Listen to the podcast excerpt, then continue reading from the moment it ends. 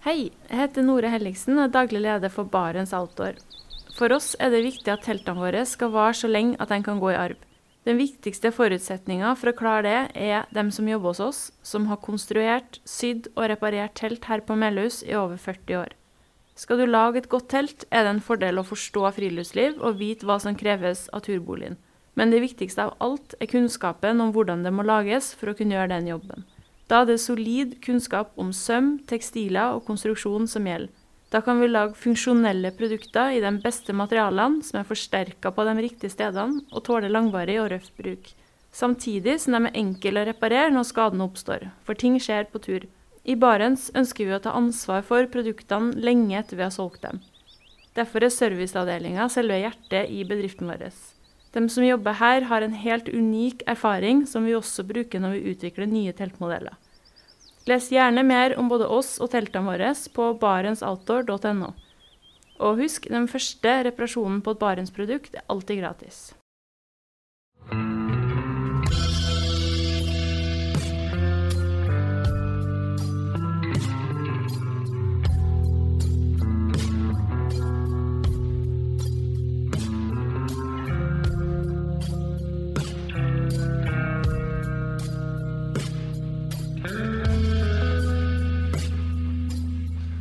Hei og velkommen til podkasten Uteliv, som endelig er tilbake etter sommerdvalen.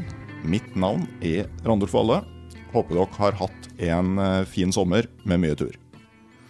Dagens gjest er vel mest kjent som jodler, strupesanger, vinner av Stjernekamp, men har også tilbakelagt strekningen fra Nordkapp til Lindesnes fire ganger i kajakk, til fots, på ski og i robåt.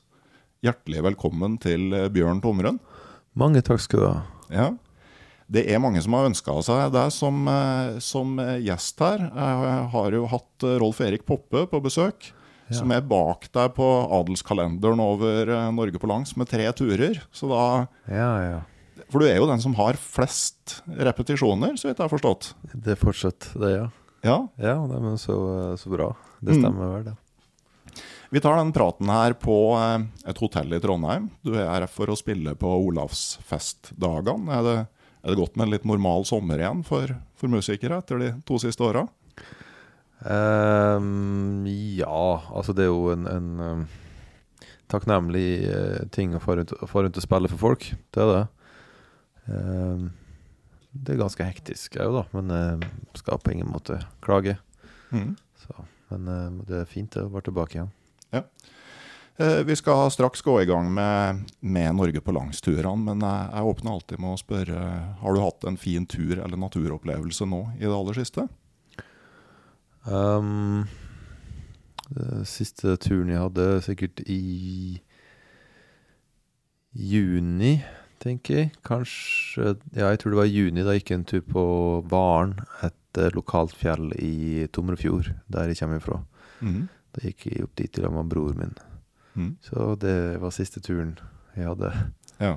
Er det sånn, altså Blir det i hele tatt noen sånn naturopplevelse sånn i turnéperioder, eller, eller blir det veldig sånn ensidig fokus på det turnélivet, da? Ja, det er veldig lite av mm. det.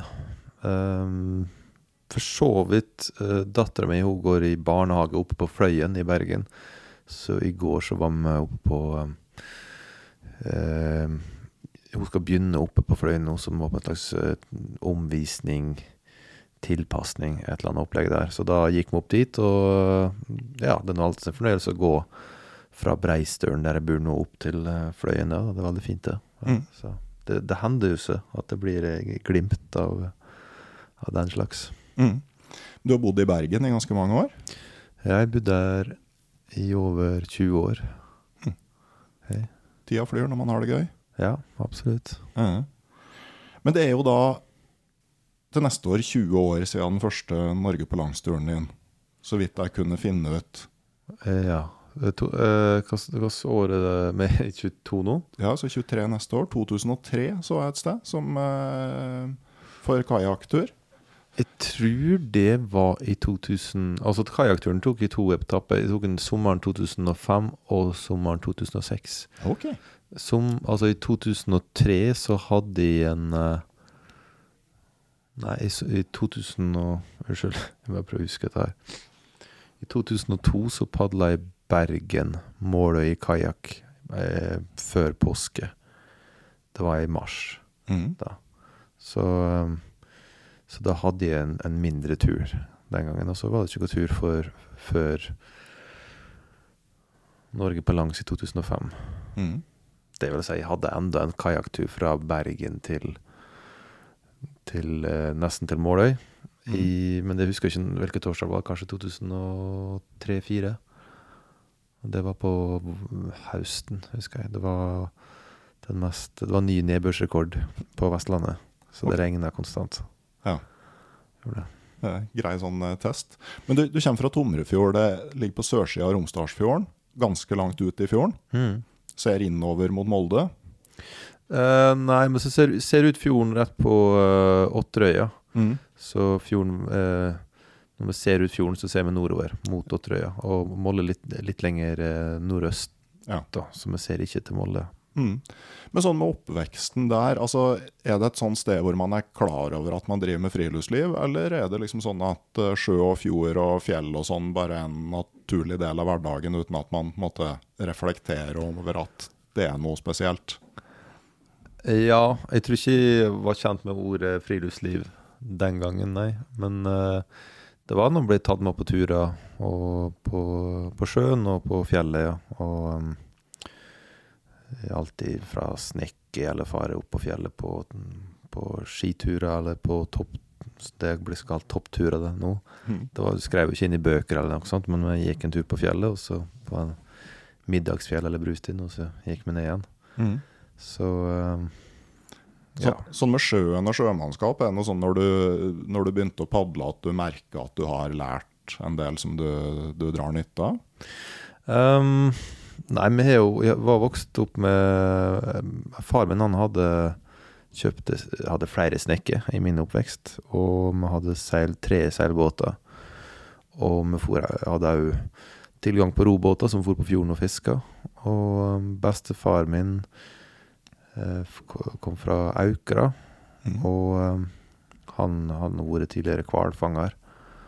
Eller jobba på hvalbåter, i hvert fall. Og var òg drev med og fiska, da. Inn, eh, fiska inn mat til seg sjøl. Og eh, var veldig glad i å være på sjøen. Han har vært på sjøen siden han var en ung gutt, egentlig. Så jeg var, bare, var veldig mye på sjøen. eh, Sånn som jeg husker det, i hvert fall. Da jeg Mm. vokste opp. Ja, men men kajakken, når kom den inn i bildet? Um, jeg tror faderen kjøpte kajakk når de var rundt uh, 16-17 år. Mm. rundt den tida. Og uh, han eh, Far min, når han studerte i Bergen på tidlig 70-tall, så padla han fra Bergen til Måløy en sommer i, lag med, i en sånn dobbel kajakk. Mm. I lag med en som heter uh, Håkon Løseth. Og så når jeg vokste opp, da, så fortalte han en god del om den uh, turen. da. Og eh, han fikk det til å høres ut som det var nokså det fineste han hadde gjort. Mm. Og så jeg var egentlig litt uh, tenkte at det hørtes egentlig litt flott ut, det der. Så ble jo veldig uh, Jeg tror det var en, en sånn ting som gjorde at jeg fikk litt lyst til å Det var absolutt en ting som gjorde at jeg fikk lyst til å, å prøve å padle Bergen-Måløy. Ja. da. Så når jeg begynte å studere i Bergen sjøl, så eh, Jeg tror det var jeg begynte å studere i Bergen i 2001, høsten 2001. Så i mars 2002 så ville jeg hjem til påske. da. Og da tenkte jeg kunne jeg like godt prøve å padle hjem til Tomrefjord. da. Mm. Men uh, jeg, rett før uh, Måløy så blåste det opp til, uh, til storm, faktisk. Så da, Jeg kom Eller jeg kom nesten til Måløy, jeg tok vel ferge siste biten, tror jeg. Og da da henta far min med mor og far med på i Måløy, da. Mm. Jeg hadde ikke sagt for at jeg skulle på padletur, og i tjuvlånt var det egentlig strengt talt den kajakken fra Bergen padleklubb. Studentpadleklubben i Bergen. Og um, så ja, jeg, jeg hadde fortsatt Jeg hadde vært medlem av padleklubben eh, haus, om høsten, og så hadde jeg ikke fornya medlemskapet mitt. Så, men jeg hadde fortsatt nøkkel, så jeg låste min og tjuvlånte en kajakk. For nordover. Og hadde egentlig litt lyst til å padle hele veien til Tomrefjord. Um, veldig glad jeg ikke prøvde å padle Staten i mars. Jeg visste ikke helt hva gikk det. Jeg hadde aldri vært ute ei vinternatt eller sommernatt, for så vidt omtrent, heller, da. Så um, dette her med liggeunderlag, for eksempel. Hva slags mat en skal ha med seg. Uh, sånne helt elementære ting. Jeg hadde, hadde ikke slått, jeg kjøpte et telt, altså. Jeg hadde aldri slått opp det teltet før. Mm. Så Det var mange ting. Det var jo uh, den uh, jeg, hadde, jeg, tror jeg var ute tre dager i forveien, og så hadde jeg klart å taste PIN-kode siste natta da, før jeg skulle egentlig reise. da, Så hadde jeg klart å taste PIN-koden min på telefonen min feil tre ganger. Så telefonen låste seg. Så jeg husker jeg måtte gå ned til en kamerat og få han hjelpe med å bære ned alle posene med mat og, og telt og alt dette her nå. Så jeg bærte meg ned til uh,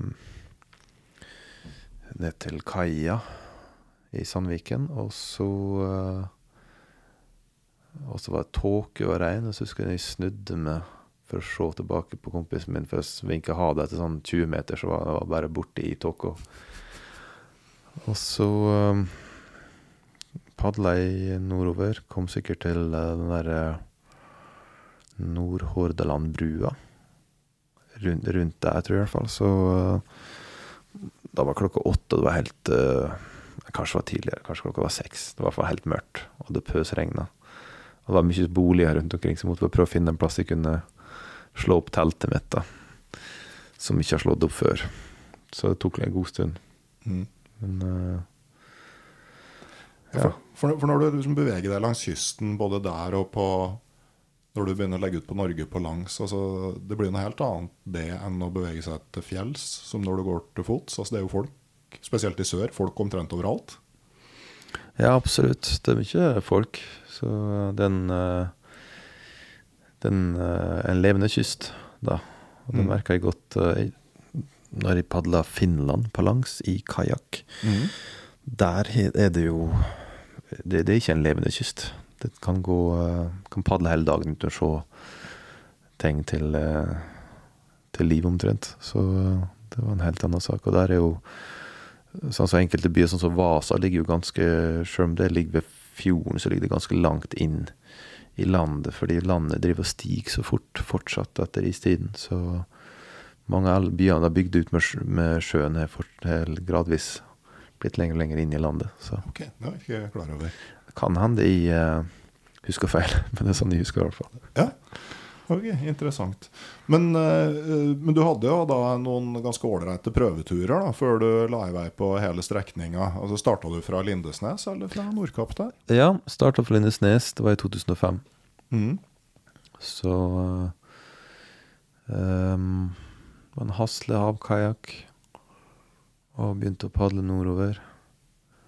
Og det var um, Gikk og padla til sånn cirka til Nordmøre. Jeg padla til Nordmøre, og da gikk jeg tom for penger, så da ja, fant jeg ut at jeg måtte bare gi meg. Mm. Jeg hadde ingen, ingen, penger igjen, så jeg, jeg kunne ikke begynne på å tigge om mat oppover heller, tenkte jeg. Så, så da tenkte jeg vi heller eh, fortsette neste år. Mm. Så det var jo selvfølgelig en veldig fin, uh, fin ting, det, altså. Mm padle. Jeg padla var selvfølgelig mange ting jeg ikke og fortsatt ikke kan, da, men den gangen så hadde jeg noen solbriller, blant annet, som, uh, fra 70-tallet, som ikke hadde sånn UV-filter. Sånn, eller det var ikke skikkelig solbriller, det var bare sånn farga glass. Så uh, jeg husker jeg ble veldig solbrent på øynene.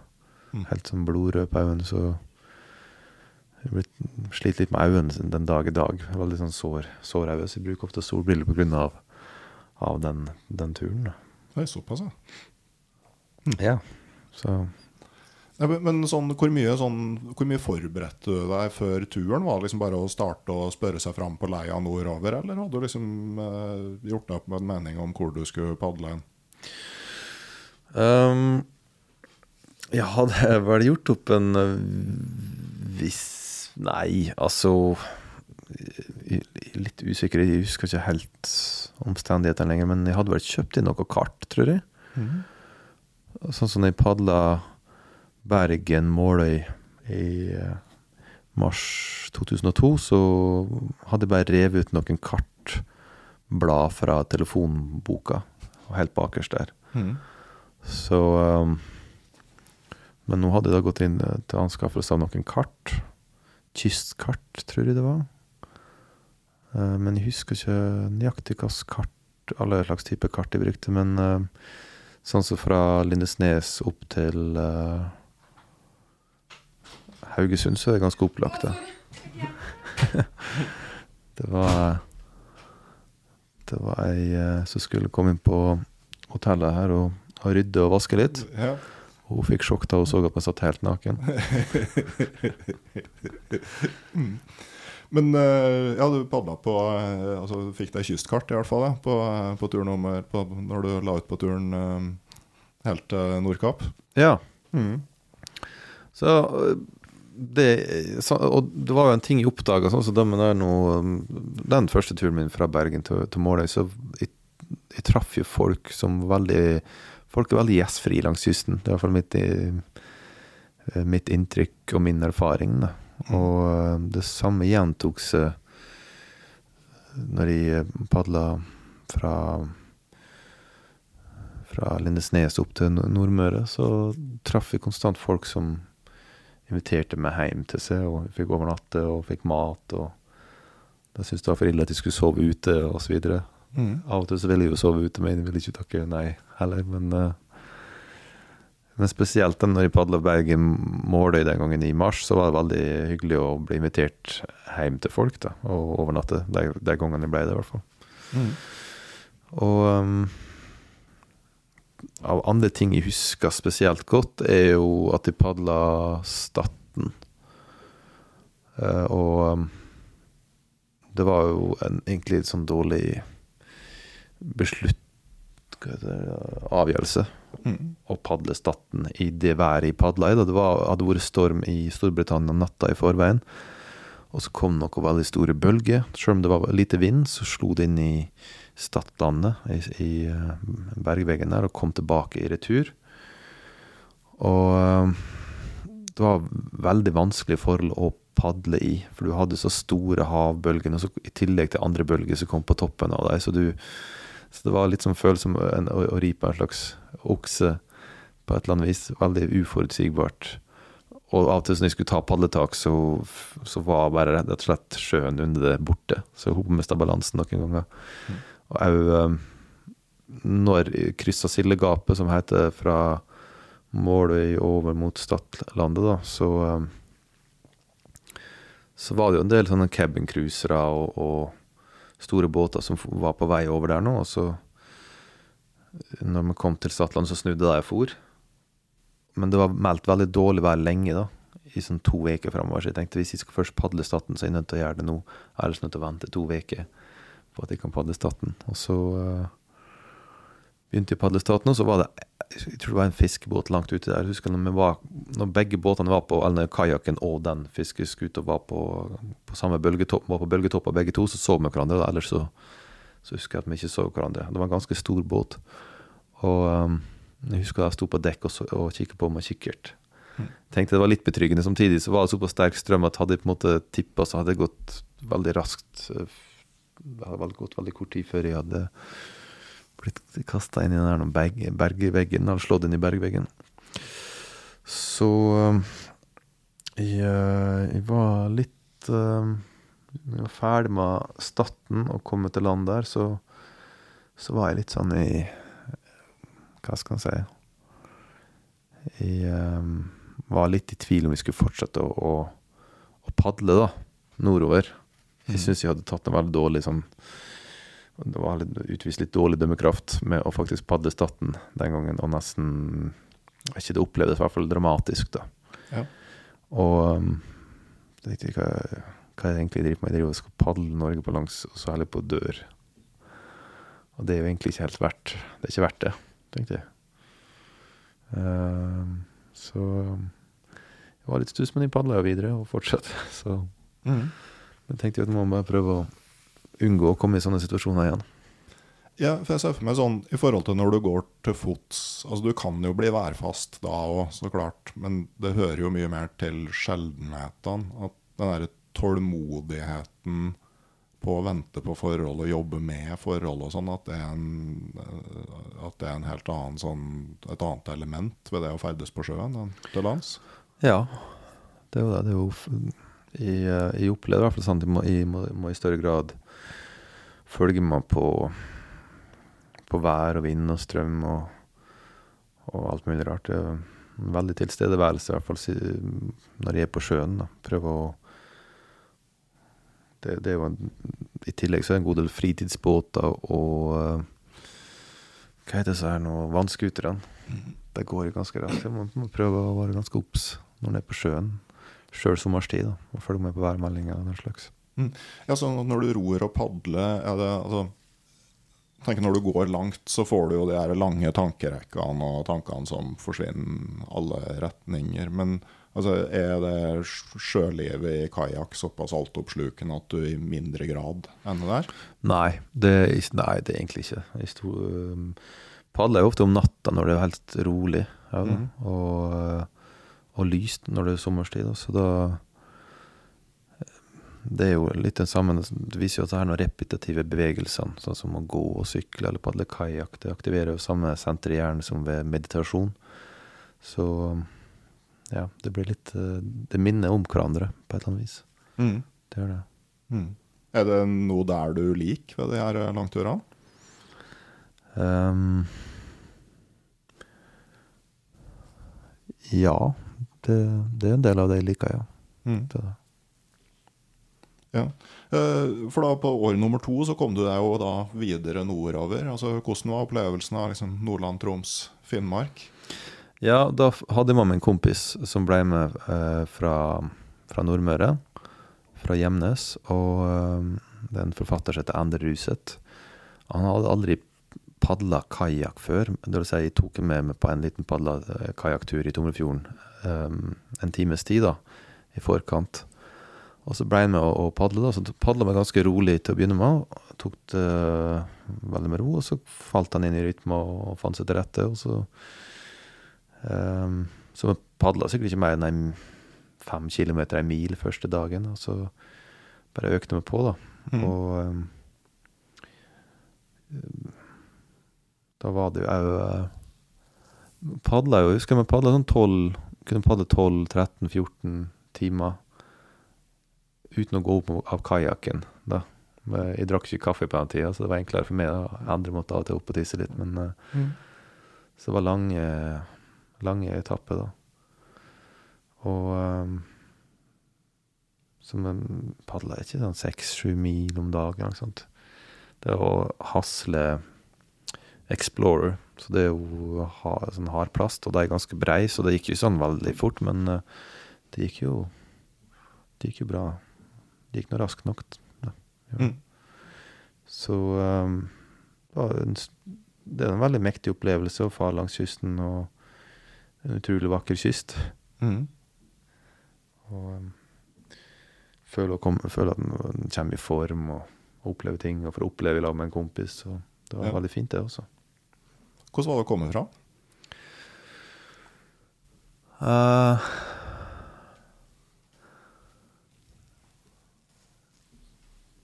nei, eh, det var hektisk. Jeg husker vi måtte rekke ei hurtigrute. Ja. Så det var, jeg tror det var bare veldig hektisk. Mm. Bare få kajakken på hurtigrute og, og komme seg sørover. Andre tror jeg skal rekke en festival, altså Bjørnsonfestivalen, en litteraturfestival eller et eller annet sånt. Så vi måtte bare skynde oss med å komme oss på hurtigruta. Mm. Og eh, ja, det var egentlig det jeg huska.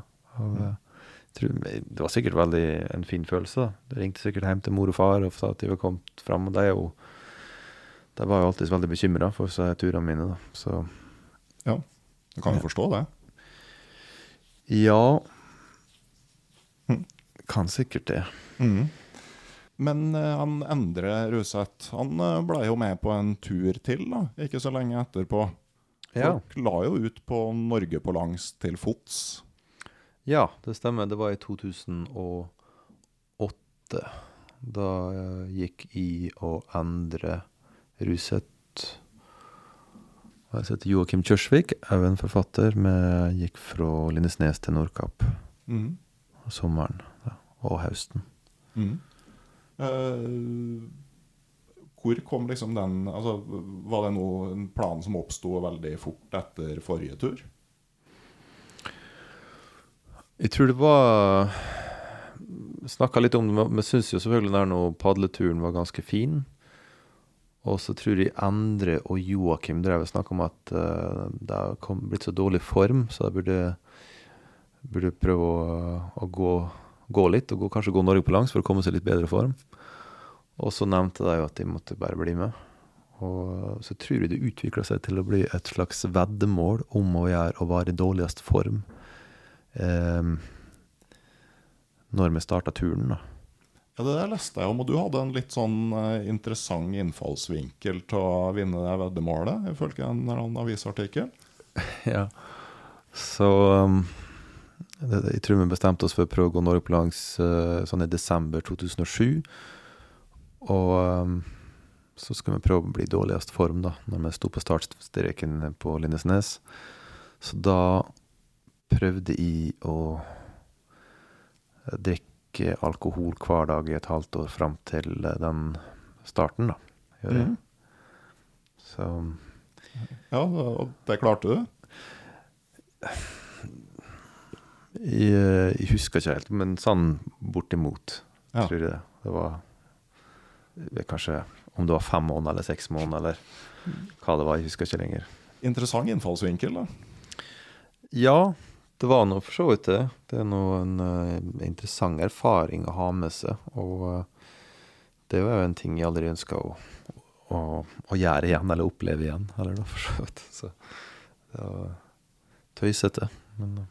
Ja, jeg, jeg tenkte umiddelbart på Jeg tror det var Ossi Osborn som hadde sånn prosjekt med å ta LSD hver dag i et år for å se hva som skjedde. Og gitt den der reality-serien så skjedde nok et eller annet. Da.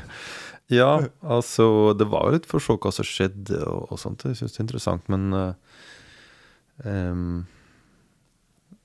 Ja, jeg, vet ikke hva jeg skal si. Det er jo mange som drikker og har drukket mye mer enn kan med, og, og, og ikke drukket mye lenger og sånt. Men jeg vil jo prøve da et uh, halvt år og se hva som skjedde. Og uh, det er ikke så mye å skrive hjem om. Det var egentlig en grå og trist tilværelse der jeg føler at jeg ikke opplevde så mye. Satt stort sett på en bar og hørte på noe, noen andre folk som drakk en god del, og som fortalte de samme historiene og samme vitsene. og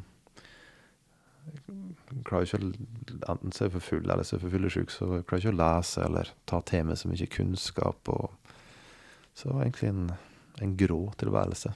Ja. Var det godt eller vanskelig å kutte av når du begynte å gå? Um, jeg tror ikke det var så vanskelig. Det var, det var på et eller annet tidspunkt på slutten der så var det mer sånn OK, det, det er jo mer behagelig å begynne å drikke enn å ikke drikke. Da. Men eh, det var ikke så veldig vanskelig. Men det, var, det som var vanskelig, var jo å begynne å gå. Det var utrolig tungt. Vi var jo uh, utrolig dårlig form, alle tre. Og um, de hadde gjort sitt på sin måte for å komme i dårlig form, og det hadde lyktes, de, på bra vis. Så um, vi var alle i veldig dårlig form. Så jeg tror vi klarte å gå sånn kanskje to kilometer, kanskje én kilometer første dagen. Og um, vi hadde jo òg selvfølgelig pakka altfor tungt. Vi kunne ikke pakke sekk, jeg har ikke gått med sekk før. Så jeg hadde fått et uh, spilleoppdrag i, med Oi-Oi-festivalen på festspillet i Bergen i mai. Og uh, det oppdraget jeg, fikk, jeg tror jeg fikk 30 000 kroner for det oppdraget, så da kunne jeg kjøpe meg ryggsekk og jeg kjøpte meg telt og, og fjellsko og en del utstyr, og så å ha litt til turen, da. Um, så um, Så vi var på en måte Jeg har kjøpt en øks, Ja, det er en vel anvendt 1,5 kilo i ryggsekken. Ja. Så jeg kjøpte inn altfor mye tull. Men var det mye av det som ble med hele veien til Nordkapp? Nei da, vi begynte å sende ting veldig fort, og fortsette med det lenge. Ja. Men, men på et eller annet vis så ser jeg for meg at det å være i skikkelig dårlig form eh, altså Da unngår du jo på en måte belastningsskader og sånne ting. Jeg tenker at litt sånn der idrettsutøvere som skal gå Norge på langs, er kanskje mer sånn i risikosonen. Fordi de har på en måte den grunnformen til å starte veldig hardt. Det, det kan godt være, altså, men var jo Jeg tror det er clou å ta det veldig forsiktig uansett hvilken form det er. Spesielt, jeg tenker i hvert fall spesielt for min del, som når du er i dårlig form og første uka, så er det jo viktig å ta det veldig med ro.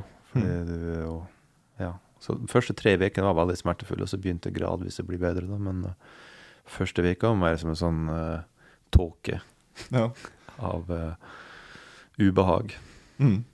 Ja, for jeg, nå har jeg fulgt litt sånn Norge på langsturer, og det er en del som er liksom veldig ivrig på å bli ferdig med asfalten på Sørlandet og komme seg ut i naturen, og som starter liksom med noen panseretapper på asfaltvei. Og så sliter de jo med det til langt opp i Trøndelag, Ja. eh, med skadene du får pga. på grunn av det. Ja, nei det var jo en kombinasjon. Vi var jo på en måte veldig dårlig trent. Men var jo lat i tillegg, da. Så det var jo Så det gikk jo veldig tregt. Men, eh, ja, men, men det gikk jo ikke. altså Var det fire måneder dere brukte? Det, det er jo sånn relativt gjennomsnittlig eh, Ja, vi brukte hva, 4.-5. juni og fram 18. oktober. Og så var det jo noen festivaler og bryllup som, eh, og litt forskjellig. Så vi hadde jo bortimot tre uker fri midt inni der, tror jeg. mm. Måtte ta spill, eller de måtte på festival, og jeg måtte på festival. Men når det da er en poet, en forfatter og en musiker på tur, eh, eh, hvordan påvirker det liksom eh, praten? Um, nei, Nå prater jeg jo kanskje en del om litteratur og musikk, da, men uh, ja. Må man holde ideer liksom hemmelig? Altså, så du liksom eh, det der, eller eh, passe på at ingen snatcher eh, liksom, eh, den linja du har kommet på? Nei, det, jeg tror ikke det var noe sånn uh, i hele tatt. Mm. Nei, men uh, vi har jo Jeg og andre kjenner jo hverandre fra, fra gammelt av, og kjente hverandre fra gammelt av, og kjente Joakim litt fra før av, og de kjente hverandre godt, så det gikk jo Hadde jo for så vidt stort sett noe å prate om, da, men eh, hvis det var stille, da, og vi følte at det ble for stille, så hadde Endre Ruseth en stor person for, eh, en stor person for uh, snukeridretten, mm -hmm. uh, biljardsporten. Så han uh, kunne holde det gående veldig lenge, der han snakka om uh, diverse snukerspillere opp gjennom historien. Ja. Så eh, da, etter den turen så ble jeg faktisk ganske um, oppslukt i snuker sjøl, og eh, er det den dag i dag. Sånn kan det gå. Det var ikke liksom, ha sånne påvirkninger fra Norge på langs, Og kanskje ikke det første man skulle tenke på.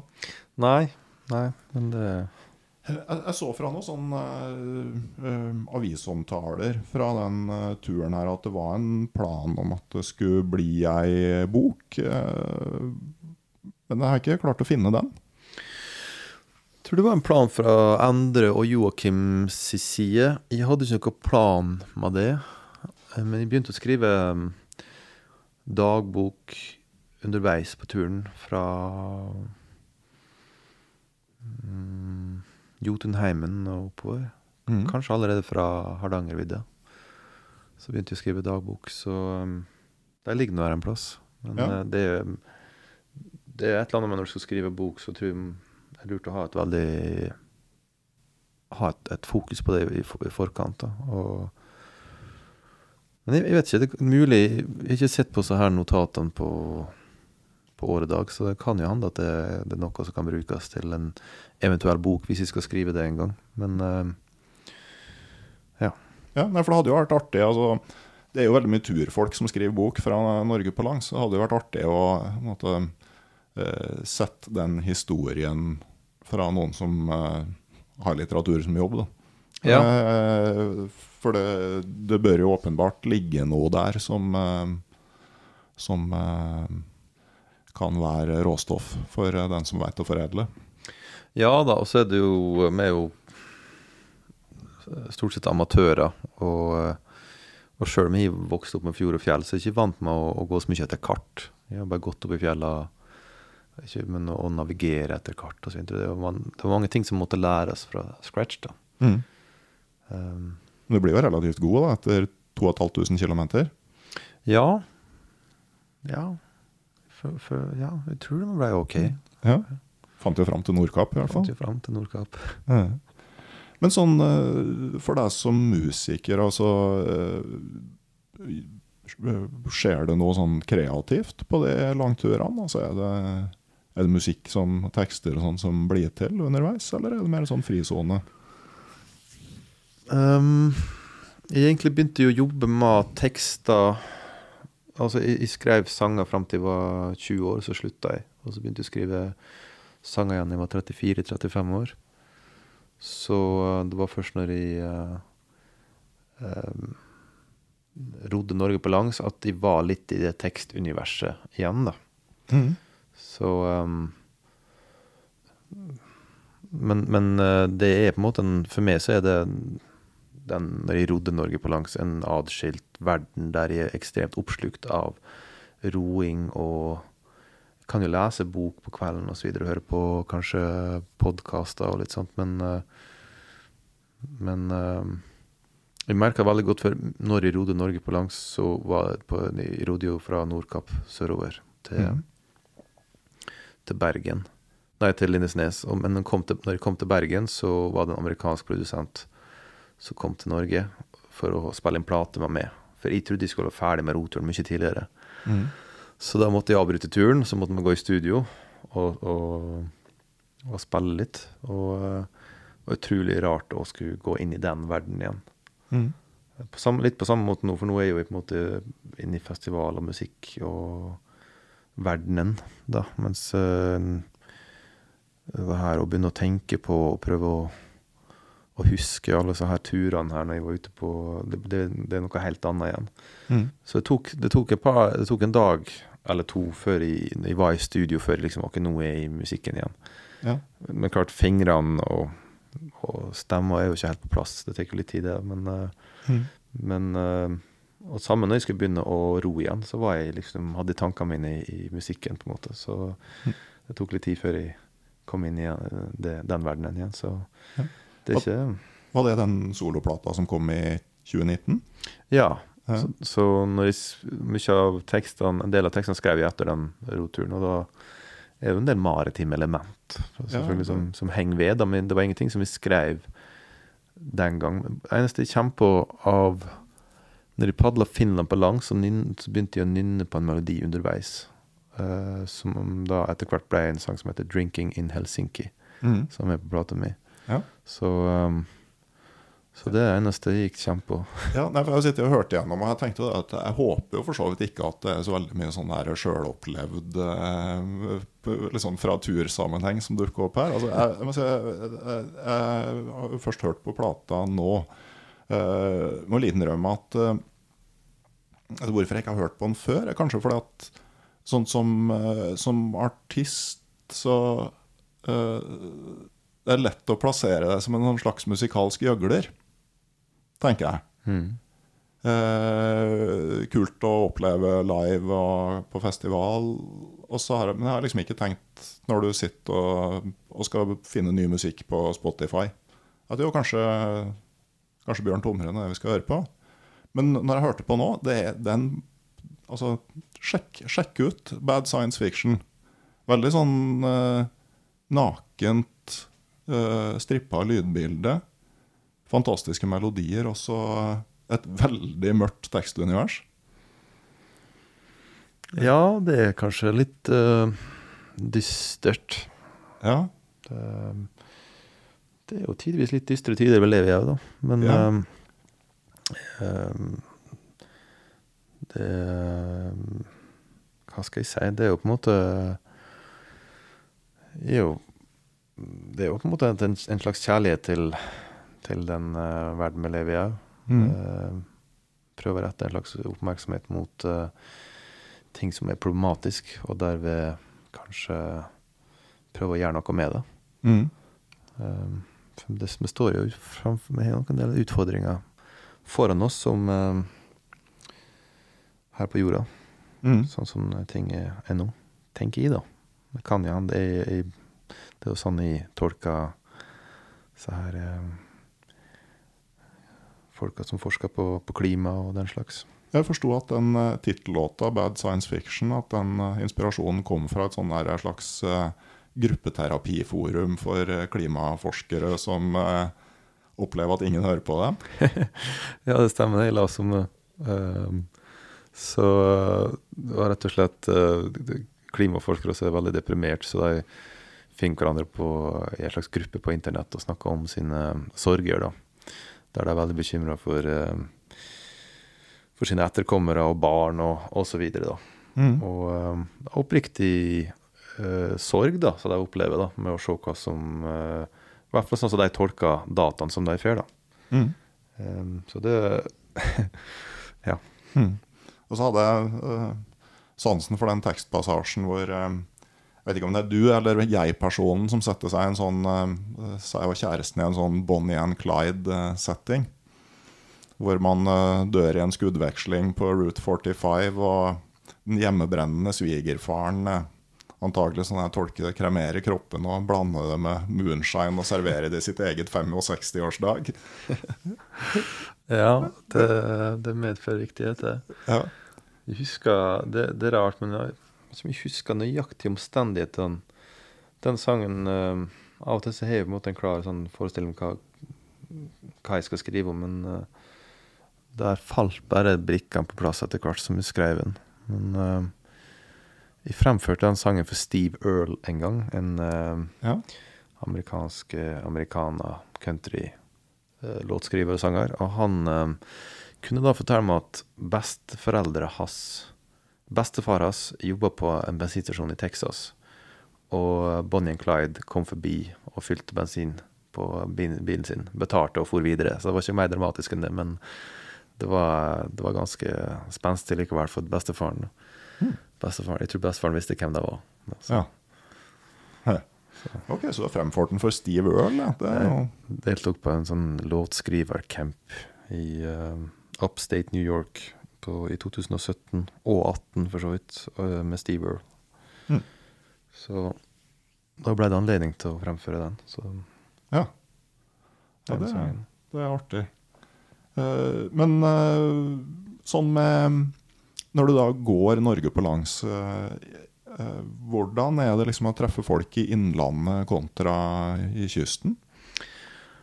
Um, vi var jo tre stykker, da. Eh, så da er det jo Da blir det mer, mer at Da faller det bare seg sånn at folk kanskje Vi er litt mer en liten gruppe, en liten gjeng på tre, og Og eh, det er ikke så det er ikke, det er ikke like naturlig for kanskje folk å invitere tre stykker inn i, i heimen sin. Og vi, vi er kanskje ikke så kontaktsøkende heller, eller så, så det blir litt annerledes på det viset, men eh, Men samtidig ble vi invitert inn flere plasser, og eh, spesielt i Nord-Norge, da, kanskje. Og mm. der er folk veldig gjest mellom Jeg har opplevd veldig mye hyggelige møter i, i Nord-Norge. Blant annet en som heter Krøkebergkongen, som jeg stifta bekjentskap med er oppe i uh, Skibotn. Men eh, ja, i hele tatt eh, Det blir en litt annen dynamikk når du er tre personer, eller når du er alene. Da. Men det er med å eh, altså legge ut på en sånn lang vandring, da, for å kalle det det, altså det å uh, stille seg i en sånn situasjon at du kan motta hjelp, da, det, jeg syns i hvert fall det er en veldig sånn altså, Du ser veldig mye positivt i folk når du kommer, når du kommer gående inn i, inn i livet deres. Da. Mm. Du, du setter deg på et vis i en sånn litt sånn sårbar eh, situasjon hvor det, altså, det er mye bra folk der ute. Absolutt. Mm. Det er det. Og det er jo Det blir jo ofte veldig fine møter, da. Med folk på den måten der du, du er ute og går og treffer noen. Eller ute og ror eller padler, og så treffer du noen. Det, er jo det er noe du i hvert fall husker resten av livet. Selv om jeg tror for veldig veldig mange folk når jeg er ute på turene mine, så, stod, så husker jeg var det veldig godt så her når møter jeg har hatt med folk. da. Eh, Tror du, kan, altså, tror du kan hjelpe litt det at de faktisk er litt nysgjerrige på altså, hva er det du driver med? At uh, sånn, de har en grunn til å, en egeninteresse av å få kontakt?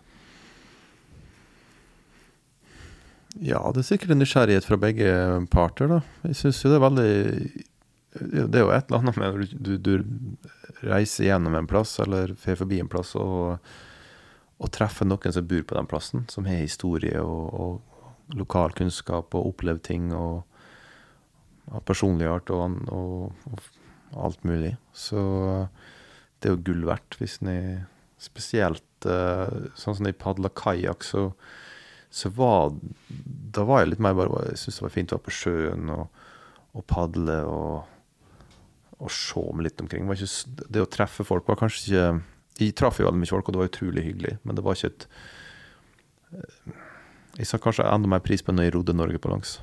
Og mm. jeg følte jeg blitt da jo Det har gått ti år. Jeg var 35 år da, blitt litt mer voksen og syns det er utrolig artig å lære litt om plassene jeg kommer på. og og lære om lokalhistorie og, og nasjonalhistorie.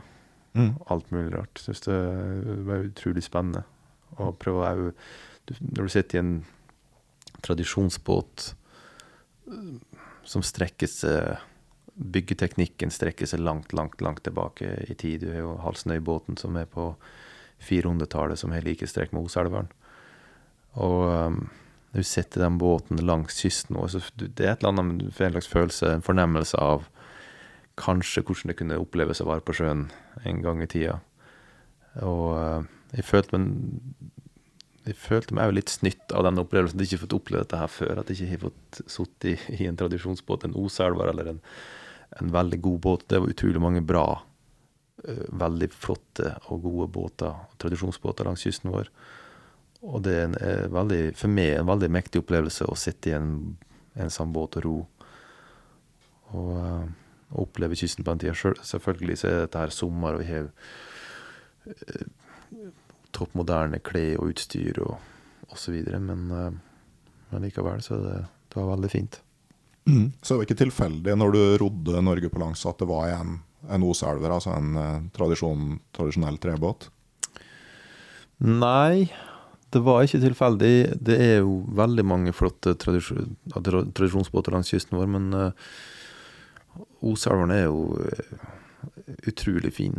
Bindalsfæringen det er mange flotte også. Så, uh, men uh, mange andre som har valgt Oselver, av de som har rodd tidligere. Så, mm. så det, det, falt seg sånn. Ja. Men den du, den du brukte, var nybygd for anledninga? Ja. Jeg til Hallgeir Forstrøm Bjørnevik som bygde den båten. Uh, så jeg tok kontakt med han jeg tror det var i november 2014 for å høre For jeg har ikke råd til å kjøpe en ny Oselvar. Så jeg skulle høre med han om hvilken type Oselvar For jeg fikk bare anbefalt han av flere. da Hvis du skal ro, så hør med han hvilken type du velger, hvor mange foten skal være, hvor en og andre. da Om han kunne hjelpe meg kanskje å finne en en god brukt, billig oselver på Finn, som vi kan bruke når vi skal roe på langs. Så litt ute i samtalen Vi begynte å prate, og jeg ringte han opp, og vi slo i an tonen. Og det tok ikke lang tid før han tilbød seg å bygge en oselver som vi kunne bruke, da. Som, hvis han bygde den, så kunne jeg låne den oselveren. Mm. Så um, Det var i november. I desember 2014 så så ringte han meg, og da, for han skal egentlig begynne å bygge den da i januar. Og det tar tre måneder å bygge en Oselver. Så i desember så ringte han og sa at han har fått uh, hjernesvulst. Ja, så uh, han måtte utsette bygginga litt. Og han begynte på cellegift og stråling i januar. Jeg tror han begynte allerede i desember. Og så uh, pågikk det ganske lenge, så han begynte vel å Han ble jo anbefalt av legen til å ta det med ro, men han ville begynne å bygge den båten. Men, så jeg begynte med den i, i, mars.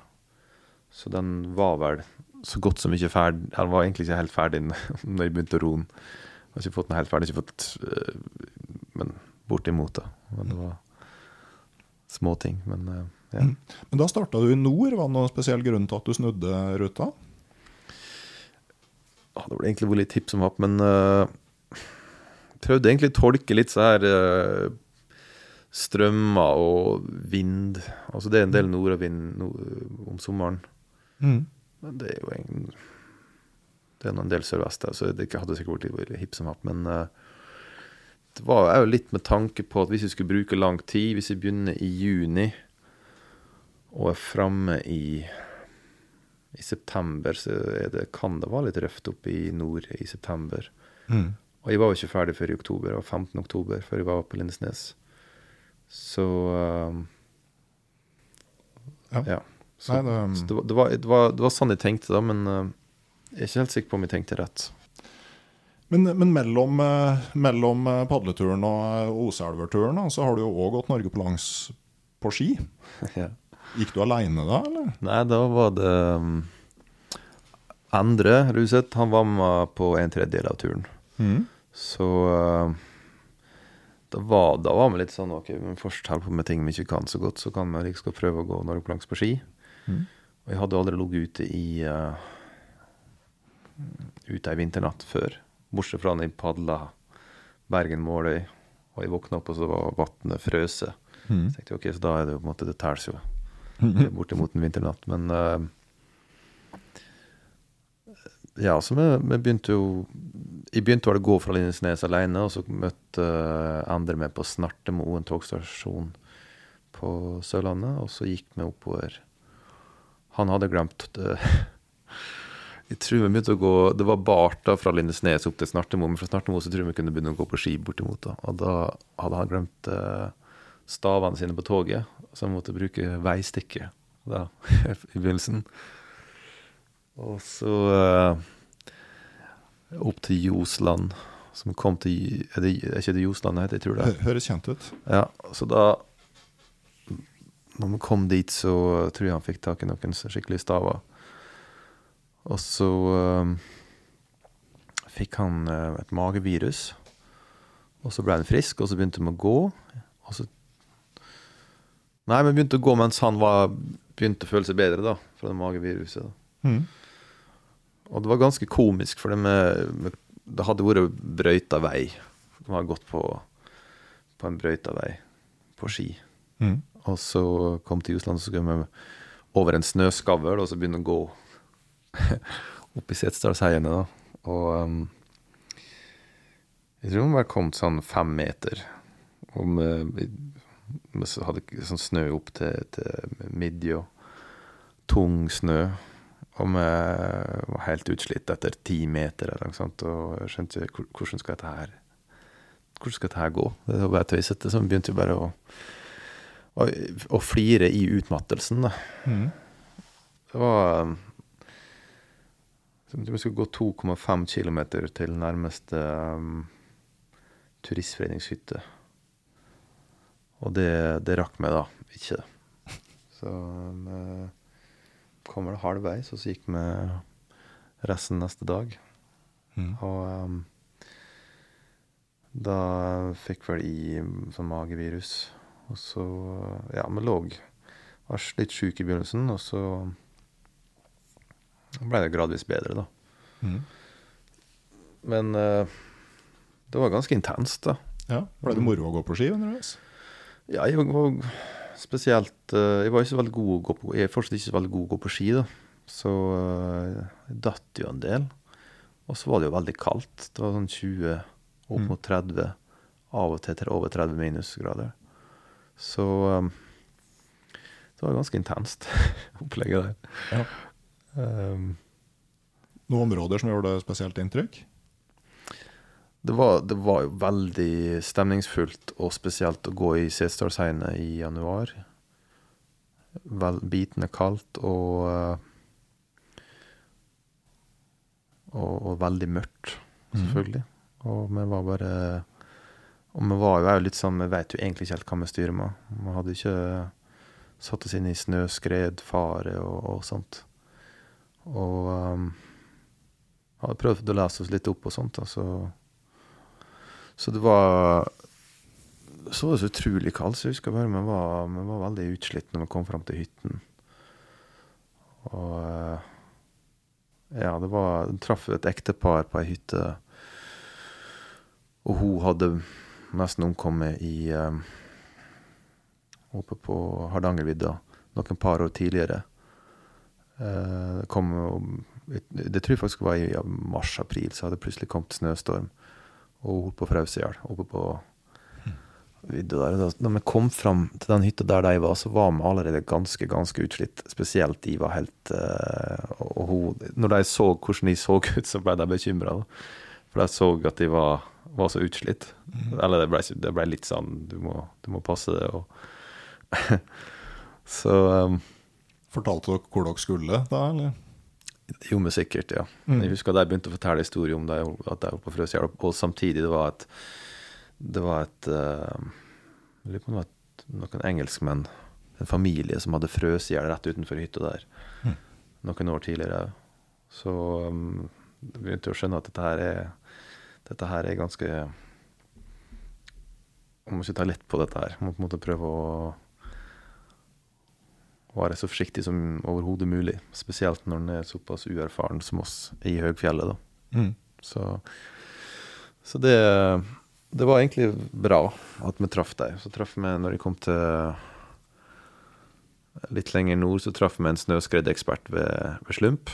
Og um, han satte oss litt inn i dette her med, med snøskredet og, og sånt. Da. da hadde jeg allerede opplevd noen par sånne veldig små snøskred, men som, som jeg, selv om det var veldig små, så var det utrolig mye lyd. Mm. Og uh, var litt skrekkslagne i etterkant av det snøskredet der. ja, det, det skal jo ikke store hellinger til før det blir store mengder. Nei, ja. skal ikke det. Så ja, men lærte jo etter hvert, heldigvis, og lærte jo fort. Mm. Men hvis du skulle gjort opp igjen en av de fire turene, da, hvilket framkomstmiddel ville du landa på? Um, du, jeg tror jeg enten ville gått eller rodd Norge på langs. Mm. Um, Men har du noen tanker om noen varianter igjen? Det hadde vært artig å prøve noe rodd i fra til Nord, nei, fra Nordkapp til. Det hadde vært artig å prøve rodd hele veien Halden-Kirkenes. Ja.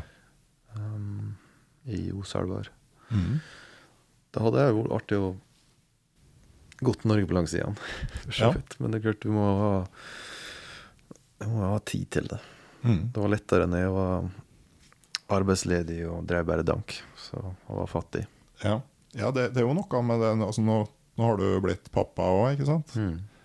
Det er noe med at uh, det, de færreste av oss har både tid og penger samtidig. Absolutt. Så det gjelder å utnytte den perioden hvor man har tid. Mm. Mm. Men uh, jeg må jo spørre, da, uh, når du har blitt sånn TV-personlighet uh, Får vi se deg på 71 grader nord kjendis? Um, um, altså, først måtte jeg blitt spurt, og hvis jeg hadde spurt, så vet jeg ikke hva jeg, hva, hva jeg hadde sagt. Det. Nei. Um, det, det, ser nå ut som et artig program. Da. Jeg har ikke sett så mange av dem, men jeg er veldig uh, Hadde jeg blitt spurt, så er jeg usikker. Mm. Um, ja. Det er mm. et eller annet Ja, jeg vet ikke. Nei. Kanskje vi får vite etter hvert. Uh, så vet jeg at Rolf Erik Poppe, som har tre runder Norge på langs, har jo da om jeg tror om ti år eller noe sånt, at den er, håper å ro den samme over 100 år gamle Åseelveren en ny runde. Ja, han, han, han, han er rodd, og så har han uh... Gått til fots og på ski. Ja, så han vil ikke padle? Nei, jeg tror de har lyst til å kanskje ta akkurat den samme gamle ja. og ta den en, en, tur til. Ja, men det skjønner jeg godt. Det er en veldig fin måte å leve på og tilbringe tida si på. Mm. Selvfølgelig ikke Men altså over en sånn tre-fire måneder så er det helt ypperlig. Mm. En fint avbrekk i livet. Mm. Mm. Ja. Klarer du å altså, Er det nå når liksom, hverdagen er hektisk og sånn, er det turene der Er det på en måte en sånn karamell å suge på, eller er det mer sånn der En sånn mer sånn lengten etter av og til å kunne gå inn i det livet igjen? Mm. Ja, jeg lengta jo etter en sånn tur, og det er jo en, fin, det er en veldig fin ting å ha gjort det. Det er jo eh, Så sant det går bra, så er det jo ikke noen ting du angrer på. Du sitter ikke når du er 90 år og tenker 'søren at jeg gikk Norge på langs på ski den gangen'. Tvert om så er det For meg så oppleves det som en berikelse å ha, ha gjort de turene. Mm. Og forhåpentligvis så blir det flere turer. Det får vi håpe. Du skal spille konsert i Borggården i Erkebispegården utafor Nidarosdomen i dag. Mm. Fett eh, konsertsted. Ja, det er veldig flott der, Ja. rett og slett. ja. Jeg vet, eh, jeg var på Rasmus og verdens beste band der, og de brukte til og med klokkespillet i klokketårnet som en del av konserten. Artig. Ja. Men eh, jeg, jeg skjønner jo da at som artist så har ikke du noe behov for å ønske deg noe annet sted akkurat i dag. Men, men hvis du da en dag helt i starten av august skulle plassert deg et eller annet sted, i hvilken som helst setting, ingen sånn praktikaliteter tatt i betraktning, altså, hvor ville du aller helst vært da? Um, altså, jeg tenker nesten umiddelbart på um, På Tomrefjorden og fjella rundt der, og at Frostavatnet og, og, og så videre. Men jeg tenker òg på um, Sulitjelma og innover mot Sverige derifra. Er Utrolig fint uh, nasjonalpark inni Sverige der. Ja. Padjelanta eller Padjelanta, ja. Og Saltfjella og Mm. ja, det, det er så utrolig mange flotte plasser, men uh, ja, noe, noe i den duren der, tenker jeg. Og Ja. jeg må, nesten nevne Setesdalsfjella, òg, Mm. så jeg syns det er veldig flott. Tusen takk for at du ville stille opp her, eh, Bjørn Tomren. Altså setter nok både jeg og lytterne veldig pris på. Bare hyggelig. Jeg skal helt til slutt òg å takke dem som støtter podkasten Uteliv på Patrion. Det er plass til flere i det digitale turlaget, hvor du får eksklusive episoder og påvirkning på episodetema og tilgang til bakgrunnsstoff. Og om du hiver deg rundt og registrerer deg innen 15.8, så er du med i trekninga av et fritt valgt telt fra Barents Outdoor. Uansett så kommer det en ny episode av podkasten Uteliv allerede om ei uke. Da er det Mattis Tørud og Jan Monsen som er gjester. Og i mellomtida så får dere rett og slett ha det riktig bra.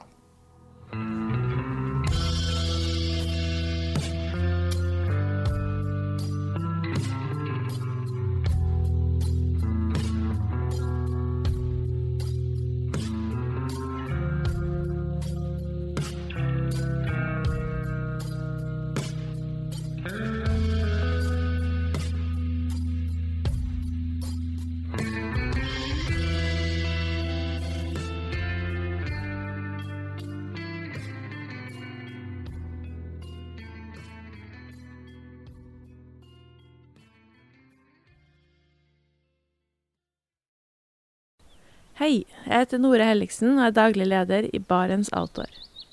Det beste vi kan gjøre for planeten, er å redusere forbruket vårt og få mer ut av det utstyret vi allerede har. Men vi vet av erfaring at bruken av telt kan endre seg over tid. Det teltet du kjøpte for to år siden, passer kanskje ikke det behovet du har i dag. Derfor har vi i Barents etablert en egen panteordning der vi tar imot brukte telt av god kvalitet i innbytte når du kjøper et nytt av oss. Prosessen er enkel. På barentsoutdoor.no gir det oss informasjon om teltet du vil bytte inn. Basert på det får du et tilbud fra oss som gir deg rabatt på ditt neste Barents-produkt. Mer info og betingelser finner du på barentsoutdoor.no. Og husk at den første reparasjonen på produkter fra Barents er alltid gratis.